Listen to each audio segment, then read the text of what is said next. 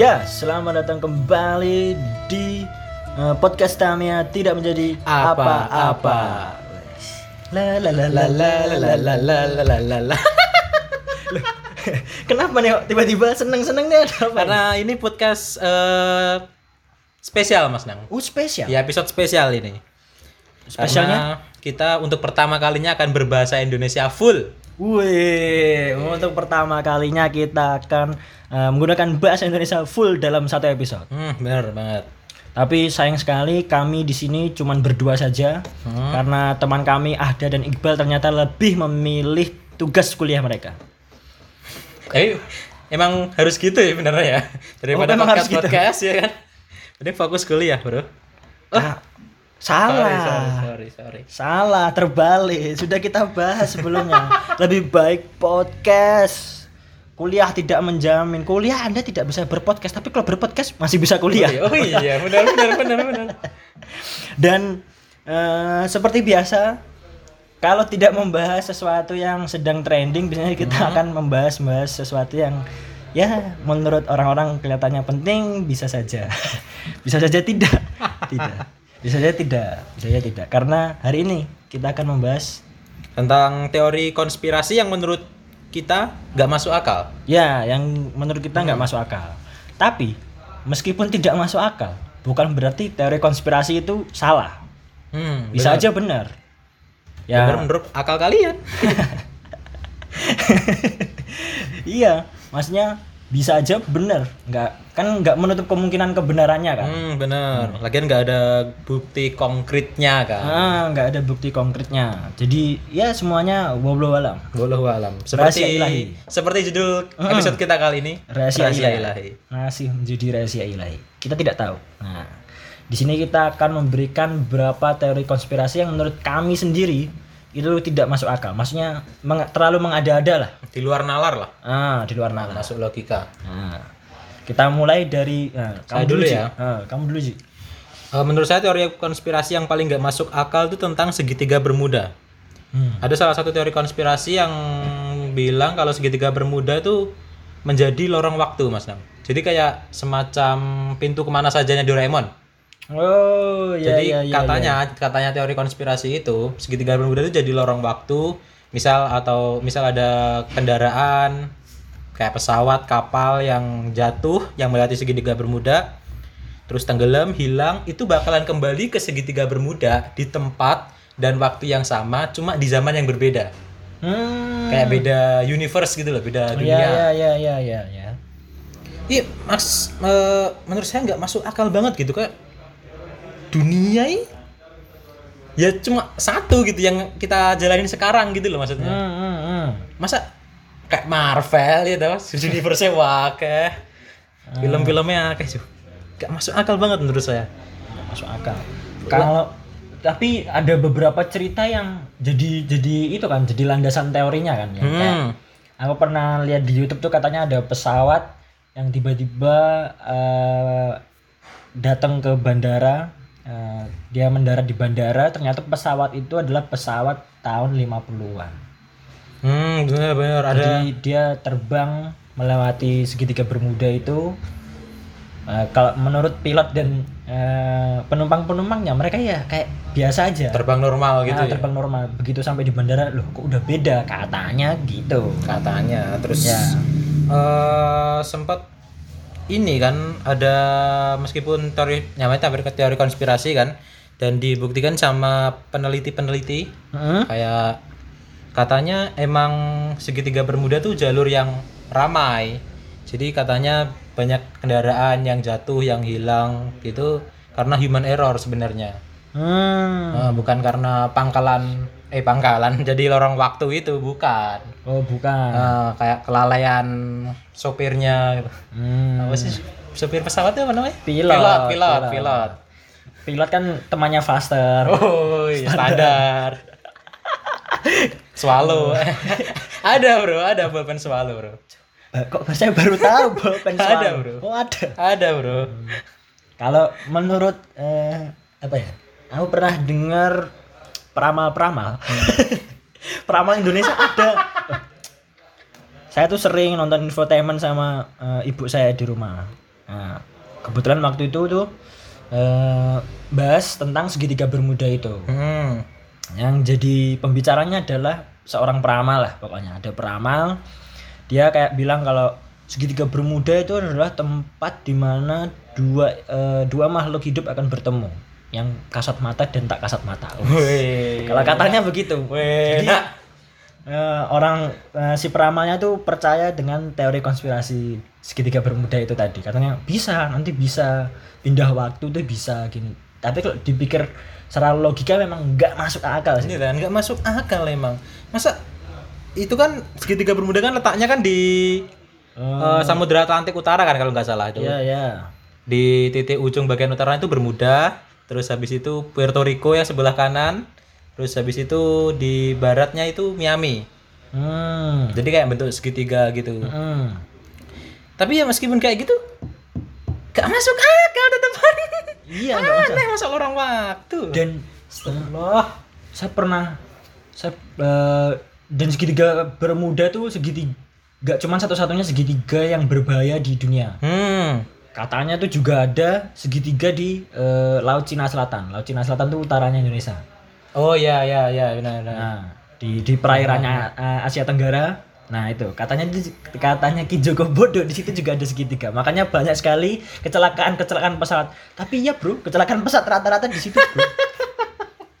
Entah ini kalau di nalar memang nggak masuk akal omongan-omongan orang-orang eh, yang percaya hal mistik yang hal mistis dengan orang seperti saya yang full logika tidak masuk akal sama sekali. Tapi yang nggak masuk akal tuh yang ngomong loh. Ki Joko Bodo. ya Allah. bukan pakar penerbangan Wah, iya. bukan seorang pilot Ki Joko Bodo ya Allah. tapi sekarang katanya Ki Joko Bodo udah anu, Udah, coba. Hijrah. Oh, hijrah. katanya kata, Ke London nggak? sama di Changju terus ya Siapa tahu kan. Cosplay Lego kan dia. oh seperti video klipnya Ah, Lego kan dia. oh tapi kok bisa ya tapi memang rata-rata kecelakaan tuh mesti ada di situ loh di segitiga bermuda itu loh Hmm, emang kebanyakan segitu. Kan, eh, dan katanya lagi tuh banyak eh, saksi yang pernah lewat situ tuh katanya kompas yang mereka pakai kan biasanya pakai kompas Ah. itu muter-muter gitu loh. Nggak nggak biasanya kan langsung selalu menuju ke utara kan misalnya kompas. Hmm, hmm, Tapi muter-muter gitu. Katanya medan magnetnya tuh tinggi di sana katanya. katanya. medan magnetnya tinggi. Hmm. Eh, itu mesti kalau misalnya ada orang Indonesia ke sana, dia nggak mengerti tentang medan magnet dan apa pun itu ya. Tidak tahu. Begitu kompasnya muter-muter sendiri langsung, oh ini ini kita diganggu. Apa-apa kan mistis ini. Mistis bro. Jangan-jangan tuh kalau di dekat Indonesia tuh jadiin tempat pesugihan itu gitu kan muda. Iya, serius. Jadi tempat keramat. ya. Kayak Gunung Kawi malah. kalau di Madinah anu, apa? Gunung Gunung Kendil. Gunung Kendil ya. ya. Isinya sesajen semua itu. Astaga, astaga. Iya, tapi bisa jadi sih. Nanti tiap pagi itu, tiap subuh, habis subuh ada ibu-ibu nebar bunga ya kan. Untungnya ya. Untungnya bukan dekat Indonesia ya. Untungnya Tapi kelihatannya banyak orang Jawa tuh yang datang ke Laut Cina Selatan nebar bunga sih. jauh-jauh demi pesugihan. Jauh-jauh. Demi usaha. Nyemplungin anak kecil ya kan sebagai tumbal. Tumbal. Tumbalnya anak saya sendiri ya. Tapi katanya itu eh, konspirasi yang ada di segitiga bermuda itu nggak cuma satu kan? Oh iya. Ada satu lagi katanya eh, ada satu kons- teori konspirasi yang menyatakan kalau segitiga bermuda tuh pangkalan UFO. Belum loh. Padahal UFO ini kan ada atau enggaknya kan belum jelas ya kan? ya belum jelas, belum jelas. Ada yang bilang ada, ada yang bilang enggak. Terus ada juga bukti yang eh, bilang kalau UFO itu ada kayak sawah-sawah itu yang bentuk kayak UFO. Apa sih namanya? Itu kan katanya tempat pendaratan UFO juga kan itu. Hmm, hmm. Tapi, tapi katanya pangkalannya itu di segitiga bermuda Mas Nang. Katanya. Kalau pangkalannya di segitiga bermuda tuh yang jadi masalah siapa yang mengelola? Hei, kalau pelabuhan, terminal, bandara ada loh yang mengelola loh. Segitiga bermuda kosong loh. Tidak ada siapa pun di sana, tapi siapa yang mengelola kalau itu tempat pangkalannya? Pangkalan militer aja ada yang mengelola. Oh iya juga iya benar. Tapi pernah dengar nggak se- segitiga bermuda itu kan katanya pangkalan UFO. Lagian nggak pernah buka lowongan kerja juga kan di sana. Dibutuhkan cleaning Iya, service cleaning service. Pangkalan UFO segitiga bermuda. Maksimal usia 40 ya. Berpenampilan menarik, jujur, sholat lima waktu. Itu pekerjaan yang paling tak benci. Harus ada sholat lima waktu. Benar sekali bro. Pernah saya buka lowongan pekerjaan, buka lowongan pekerjaan. Syarat salah satu syaratnya adalah sholat lima waktu. Maksudnya dinilai dari apa ya kan? Dinilai dari apa? Apa yang punya eh, misalnya yang punya toko atau punya perusahaan ini apa dia juga mengintai di warung-warung gitu waktunya sholat gitu oh anak buahku malah ngopi gitu ini nih harus saya panggil nanti waktu dia kembali kan nggak mungkin Nggak mungkin. Nggak Nggak nggak nggak koper. iya Apa sih koper bahasa Indonesia nih? Nggak sempat, nggak sempat, nggak sempat. nggak sempet Nggak sempet, bro. maksudnya ibadah kan urusan kita dengan Tuhan Hmm, hablum minallah kan? iya. Hablum minallah, hablum minanas. nah masalahnya kenapa ada orang yang mengatur ada orang yang mengatur Cukup dengan berpenampilan menarik cukup lah. Usah lima waktu sholat. Ya Allah. misalnya pulang jam 3 sore misalnya sampai rumah nggak sholat maghrib nggak sholat isya di WA kan kamu tadi kata tetangga tidak datang ke masjid apa kamu punya alasan gitu kan enggak juga enggak juga Eh, Ah ya, mohon maaf tadi ada kendala ya. Ada kendala. Mohon dimaafkan. Kami akan melanjutkan podcast ini kembali. Tenang saja, tenang saja. kembali lagi ya. Ya, Kembali lagi ke segitiga bermuda. Ya, iya. Eh, tapi aku penasaran padahal udah lama ya kan. Tapi namanya masih muda. Ah, au au au. Udah lama loh itu. Ada segitiga bermuda tapi Bulan Guritno jangan-jangan. Awet muda kan. Awet muda. Sofia Lajuba. Sofia Lajuba. Ya, iya, iya. Hmm, kalau membahas UFO yang paling menarik itu adalah eh, konspirasi tentang eh, alien itu pernah datang ke bumi. Nggak tahu kenapa aku tuh percaya Sampai sekarang. sampai sekarang. Bener bro, Ini saya punya landasan teorinya bro. Gimana gimana coba Saya gimana? punya landasan teorinya.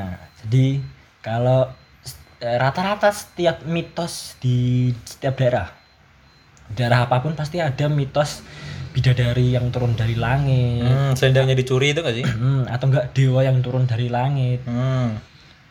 Padahal mereka nih enggak di daerah yang saling berdekatan, tapi mereka tuh bisa bilang eh, ada pokoknya ada makhluk yang turun dari langit.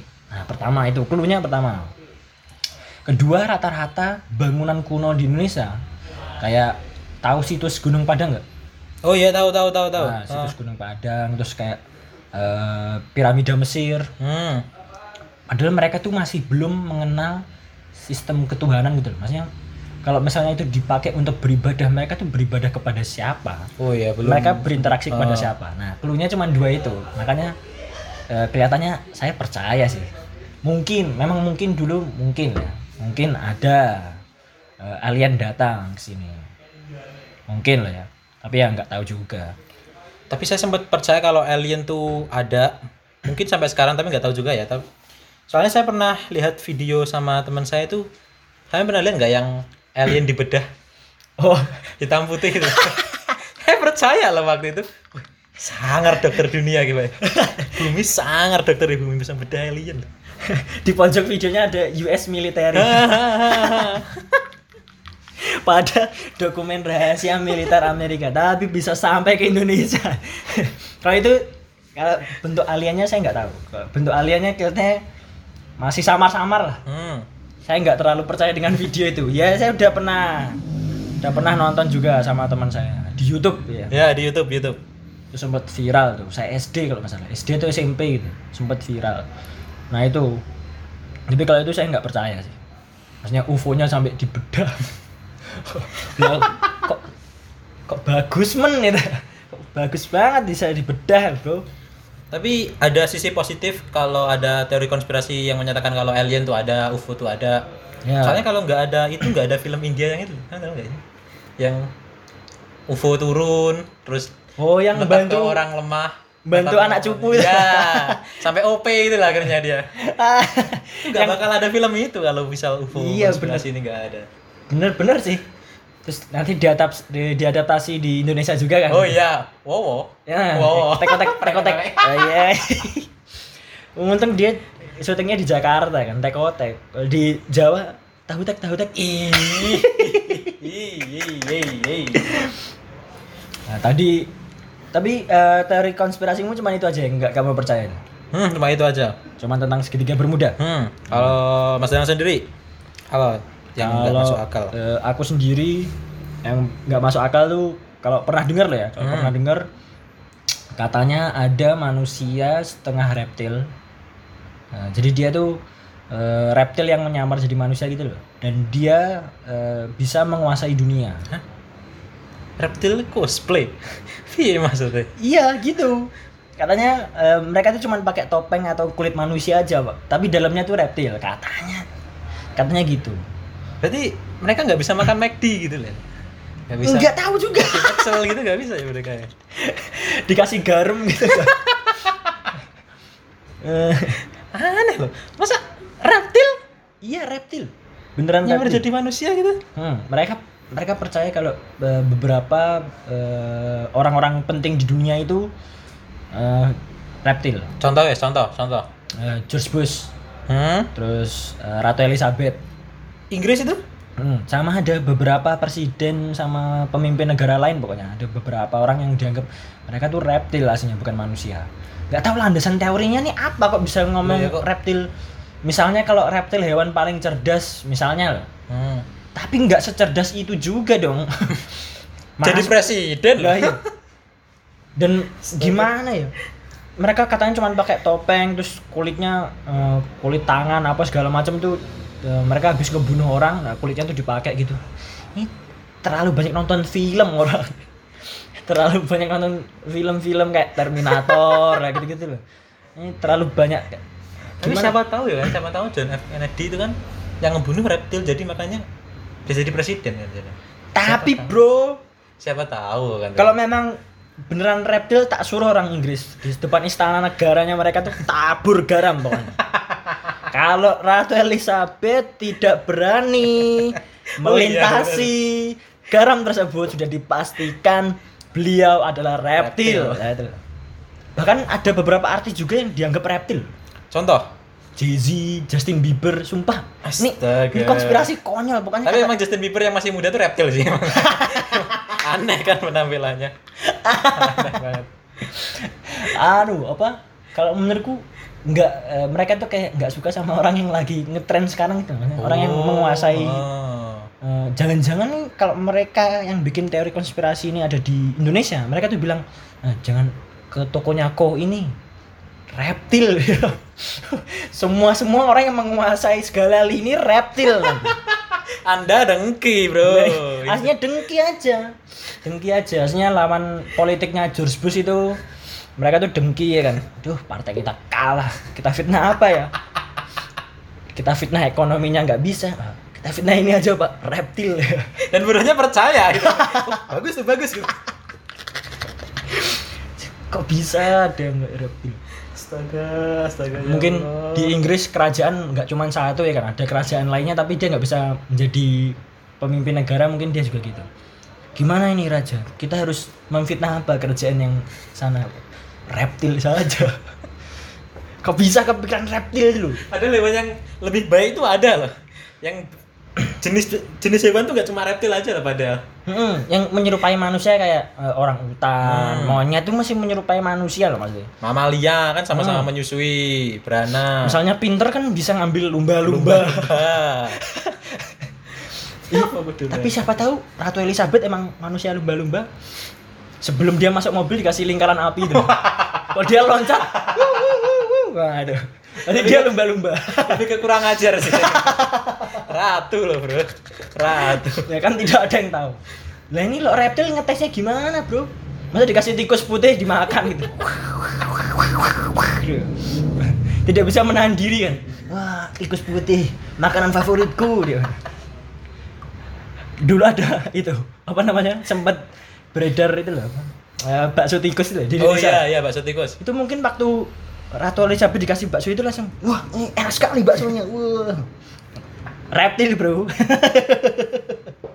Ini bukan berarti saya menghina-hina Ratu Elizabeth loh. Jadi kasih bakso goyang lidah nggak mau ya dia.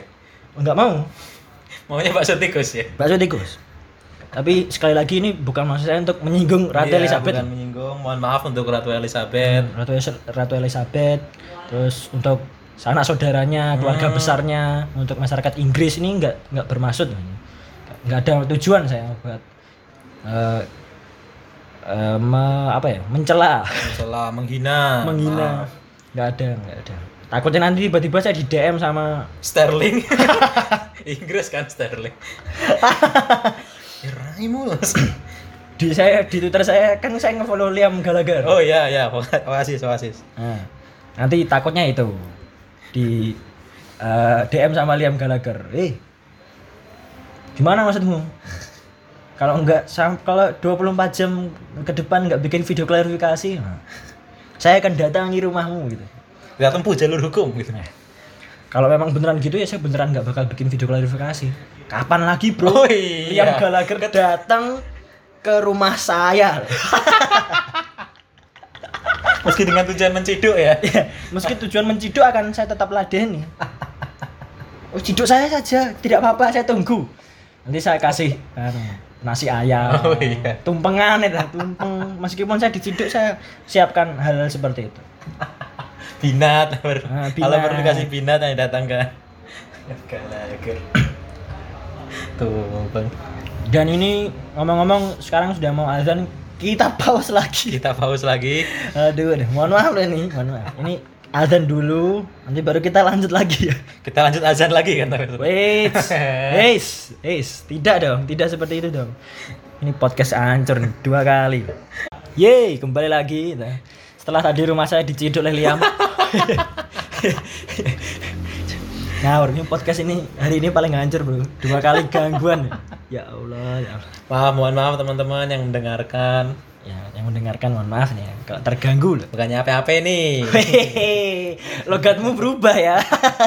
Efek liam, Bro. Oh, efek Liam tadi datang. anu, saya punya satu konspirasi lagi. Oh, satu masih ada satu lagi. Masih ada satu konspirasi lagi. Yang menurut saya ini nggak masuk akal dan sangat mengada-ada. Orangnya cuma pengen tenar aja yang bikin konspirasinya. Jadi eh, ada sebuah konspirasi yang mengatakan kalau eh, saat ini eh, sebenarnya manusia su- manusia itu sudah eh, menempati Mars. Bahkan sudah membuat pemukiman di sana tuh sudah ada. Sebelum itu manusia itu merebut wilayah Mars itu dari eh, masyarakat Mars asli asli. sana. Masyarakat Mars yang asli. Nah, yang membuat eh, teori konspirasi ini ada itu karena ada salah satu pegawai NASA yang dikirim ke Mars. Hmm? Setelah dari Mars itu dia keluar dari NASA terus membuat pernyataan. Gimana pernyataannya? Ya pernyataannya kayak gitu pokoknya. Katanya eh, NASA itu ternyata ke sana juga ngirim militer buat ngalahin orang Mars gini gini gini gini gini gini. gini. Dia bilangnya gitu. Terus ada yang percaya. Dan menjadi teori konspirasi. Tapi menarik loh kalau dibuatin film itu. Ah, enggak, enggak, enggak menarik, enggak menarik. Ini cuman orang yang kalau menurutku dia tuh aslinya di NASA tuh nggak punya temen gitu. Penyendiri. penyendiri ya. diam nggak punya temen terus dia kayak ah orang-orang di sini nggak asik nah dia langsung memfitnah ngasih eh, cerita-cerita konyol kayak gitu Padahal dia dia nggak mau bergaul ya padahal. iya Astaga. atau enggak emang dia beneran nggak punya temen Kalau punya teman pasti temannya bilang nggak usah nggak usah kayak gitu bikin malu nggak usah Iya benar benar benar benar. iya kan bener dong Nah, Tapi aneh loh. Kok masa bikin pemukiman, bikin kota, peradaban sendiri di Mars. Dan pertama kali datang ngalahin orang-orang Mars itu. iya Terus orang-orang Marsnya itu ke mana sekarang? Nggak ada makanya bisa eh, Oh, udah dibunuh semua gitu ya? Hmm, menurut menurut dia dan pengaruh teori konspirasi itu seperti itu. Perebutan wilayah. Sar. Tapi yang jadi masalah tuh eh, kita tuh masih ngetes bisa atau enggak manusia hidup di sana. Tapi Oh, kok iya. pemukiman, perang, kapan perang ini terjadi? Kenapa tidak ada andil orang Indonesia dalam perang tersebut? Ya kan? perang antar galaksi ya kan? Perang antar planet, tapi kita tidak berkontribusi apa-apa ya kan? Mana? Mana, mana, mana. Itu paling gak masuk akal sih menurut saya. Ceritanya tuh wilayah. eh, misalnya yang dikirim tuh militer Amerika. Kenapa Hmm. harus Amerika se- sendiri gitu loh maksudnya? Oh iya, gak libatin negara-negara lain gitu kan. Misalnya semisal kalah nih pasti kan orang Mars kan bilang ah orang bumi lemah-lemah Oh, Nanti iya, orang Rusia itu, itu. tentara Rusia tentara Cina Korea Utara pasti nggak terima enggak Amerika paling Amerika aja yang lemah nih. Ah. orang Indonesia paling juga nggak itu kan nggak terima kan akhirnya yang kebal-kebal dikirim Debus malah. pertumbuhan pertunjukan di sana buka pertunjukan di Mars bro Lumayan loh sumber penghasilan baru lah itu. iya sumber penghasilan baru Astagfirullah. maksudnya kok bisa gitu namanya perang ini kalau menurutku ini orangnya terlalu banyak nonton Star Wars Oh iya benar perang, perang antar galaksi. Heeh. atau enggak Doraemon yang negeri di atas awan tuh Oh iya, oh iya, oh iya, oh iya. kan perang antara manusia di bumi dan di awan kan itu namanya bikin uh, awan yang bisa dinaikin itu kan ya awalnya pengeras awan juga Oh tuh. iya. Ternyata di sana ada makhluknya Tapi film Doraemon selalu gitu ya. Ni- Niatnya coba-coba ya kan. Niatnya Sem- tuh ya. iseng-iseng. movie-nya rata-rata gitu kan Ah. maksudnya. kayak eh, aku pengen ngelihat ah, ikan-ikan itu yang akhirnya ikan-ikannya dibawa ke Oh, ke Tokyo dunia, semua tuh loh. ya. Saya tiba-tiba ada Putri Duyung tuh loh, ya kan? Mesti tiba-tiba. Bridgingnya emang luar biasa sih. Bridging yang bikin cerita Doraemon tuh keren banget orang. Manusia seribu satu bridging ya yang bikin. Semua cerita masuk. Pengen mengetahui kisah-kisah dinosaurus, kembali ke zaman dinosaurus, yang akhirnya kan punya temen kan di sana, dinosaurus ya. Nah, Oh iya iya, dinosaurus cuma bilang pi gitu. ya. Pi, oh pi? Binat. Dia cuman bisa ngomong gitu kan. Pi ya, 3,14. Oh iya. Dua dua per tujuh. Dua-dua per tujuh. Berarti nggak setia deh. Oh iya. Kalau setia 24 per 7 Waduh. Story anu, Waduh. orang-orang pacaran sekarang kan gitu. Dua emas per tujuh. Ah, Story-story orang-orang kesepian. Gimana? Kalau dipikir-pikir, eh, kalau dipikir-pikir nih, teori konspirasimu sama teori konspirasiku tadi lebih gak masuk akal siapa? Yang Mars itu. Enggak maksudnya kok bisa gitu datang ke Mars ya kan. Terus bawa pasukan. Biasanya kan ke kalau kita dengar-dengar cerita orang Neil Armstrong, Lis. Neil Armstrong yang katanya darat di bulan itu kan cuma berapa orang gitu kan yang dibawa. Hmm, hmm. Masa satu batalion gitu loh yang dibawa saya. Kok sempet gitu. Terus misalnya perang tuh mereka pasti kan bawa senjata-senjata juga berat bro. Iya, senjata berat.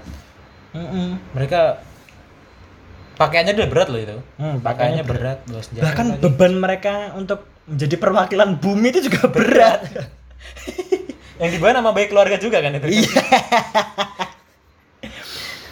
dari kalau menurutku dari semua teori konspirasi sebenarnya semuanya itu nggak masuk akal. Cuman yang paling menurutku yang paling nggak masuk akal adalah reptil menguasai dunia. Wah, George Bush loh. Ratu Elizabeth. Reptil ya Allah. artis loh juga reptil. Kok Oh iya? Justin Bieber, Nah. tapi Justin Bieber emang sih emang emang reptil sih waktu mudanya. Nggak ada, nggak ada manusia reptil, tidak ada. Kalau ada, mereka pasti kalah dengan orang yang sering camping, ya kan? Nabur garam. Oh, bisa, atas luka. bisa bisa digituin juga paling. Gimana gimana? Mungkin yang bikin teori konspirasi ini itu pernah kemah bareng sama George Bush.